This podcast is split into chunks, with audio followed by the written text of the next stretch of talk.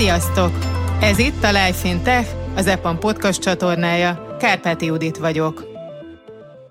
A legújabb epizódban ezúttal egy olyan epamossal, Szekeres Bernadett, business analyszttal beszélgettem, aki csak nemrég csatlakozott a céghez, mégpedig egy rendkívüli lehetőség a Hiring Week keretében. Bernadett elmesélte, hogyan élte meg jelöltként ezt a gyors felvételi folyamatot és a belépés utáni időszakot. Szia Bernadett! Szia!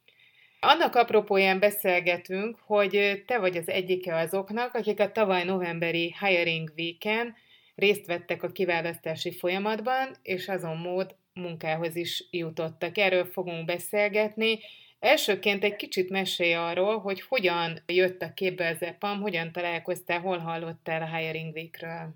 Az EPAM úgy jött képbe, hogy megtalálta az EPAM-os recruiter LinkedIn-en, rám írt, hogy van ez az állás lehetőség, meg elküldött egy leírást róla, és én természetesen nyitott voltam rá, úgyhogy visszaírtam, és egyeztettünk egy időpontot, és amikor már a HRS-sel beszéltem, én akkor tudtam meg, hogy igazából ez most egy hiring week, és akkor tudtam meg, hogy mi lesz ennek az egésznek a folyamata. Azelőtt én nem hallottam róla, hogy van ez a hiring week, és hogy miről szól. Akkor ilyen típusú felvételi metóduson még nem is vettél részt, ez volt az első. Igen, én úgy emlékszem. Milyen tapasztalataid voltak egyáltalán így a, a jelölt szemével, milyen volt végigmenni ezen a folyamaton, hogy zajlott le?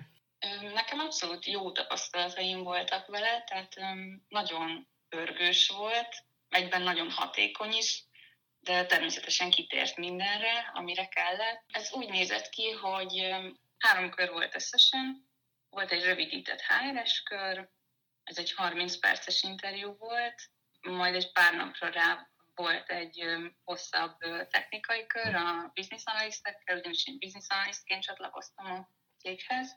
Ez egy egyórás szakmai interjú volt, ez végig angolul volt, majd ezt követően volt egy rövidebb menedzserkör még aznap. És amikor ennek vége volt, és akkor kaptam egy ajánlatot, amit elfogadtam. Mennyiben jelentett kihívást mondjuk az angol nyelv, hogy egy órán keresztül angolul zajlott a beszélgetés? Mennyire kell szerinted felkészültnek lennie téren annak, aki a következő hiring weeken vesz majd részt egy hasonló interjún? Szerintem abszolút teljesíthető, tehát a, az angol már így nagyon benne van a, a, a mindennapokban. Én egyébként nem használtam az angolt a, az elmúlt három évben, meg az elmúlt években sem túl intenzíven használtam és, és így is ment ez az egy órás interjú. Végig kell gondolni a, a kérdéseket, a szakmai tapasztalatokat, angolul, és akkor menni fog. Honnan jöttél egyébként? Milyen tapasztalatokkal rendelkeztél, mikor megkerestek? Valószínűleg volt valami olyan érv, ami miatt a recruiter is úgy gondolta, hogy veled érdemes lehet együttműködni.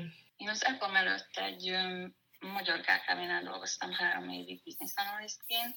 Ez a KKV, ez bankoknak, pénzintézeteknek nyújt szoftverfejlesztési megoldásokat, és itt vettem részt egy három évig tartó projektben, és amikor ennek vége lett, akkor váltottam az EPAM-hoz, tehát nekem volt három év business analyst tapasztalatom. Mielőtt business analyst lettem, Azelőtt én teljesen mással foglalkoztam, én négy évig minőségmenedzsment területen dolgoztam, majd egy pályamódosítás eredményeként lettem business analyst. Végzettségemet tekintve pedig közgazdász vagyok, én a Corvinuson végeztem, mind az alapszakot, mind a mesterszakot. Az alapszakot azt kereskedelem és marketingen, a mesterszakot pedig vezetés és szervezésen, azon belül pedig szervezetalakítás és folyamatmenedzsmenten. Lassan egy negyed éve dolgozol most már az EPAM kötelékében. Milyen különbséget tapasztalsz a kkv világ, amiben három évig előtte dolgoztál, illetve most ebben a teljesen más világban három hónap után most már van azért egy rálátásod? Ez egy multicég,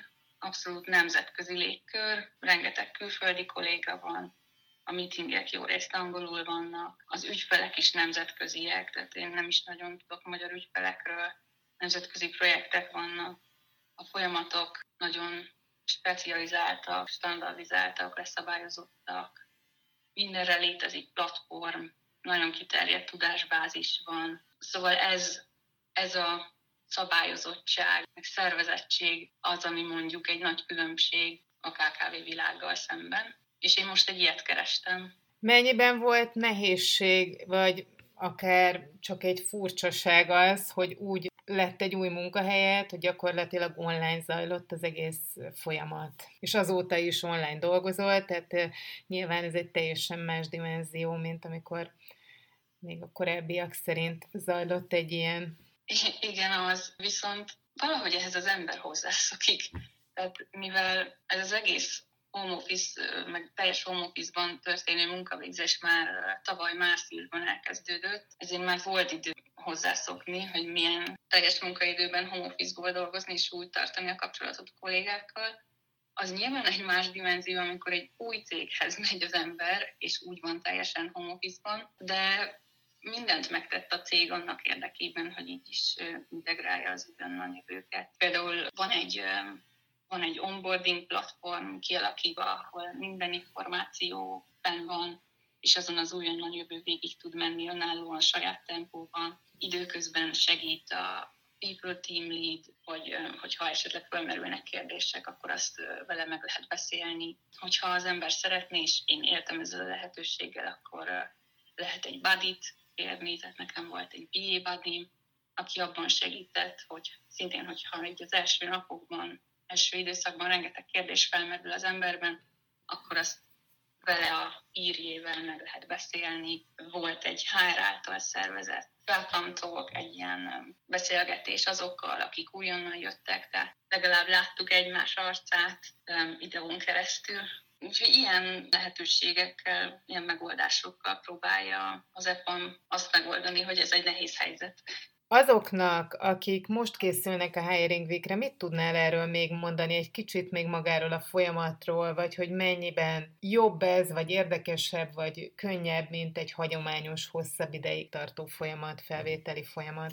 Ez azért jó, mert hogyha az ember elhatározta magát, hogy szeretne az adott cégnél, az adott pozícióban dolgozni, akkor nagyon gyorsan végig lehet jutni a folyamaton, és, és nem kell kivárni hónapokat, heteket. Úgyhogy ez szerintem ez egy nagyon nagy előny. Nyilván intenzív, de, de hogyha előre felkészül az ember, és úgy szervezi akkor azt a hetét, amiből egyébként egy fél órát, meg, meg egy fél napot tesz ki ez az egész, akkor, akkor szerintem ez nagyon, ez nagyon jó a hagyományos folyamattal szemben. Milyen elvárásokkal, milyen tervekkel indultál neki ennek az évnek már epamosként? Az, amit én kerestem, és ami miatt az epamhoz jöttem, az, az abszolút teljesült, tehát nem csalódtam a cégben. És egyébként még számomra fontos szempont volt az is, hogy legyenek tanulási lehetőségek, tréning lehetőségek, és az is abszolút fókuszban van ennél a cégnél, illetve még fontos volt számomra a nemzetközi projektek, amire szintén van lehetőség, úgyhogy én bizakodóan tekintek erre az évre.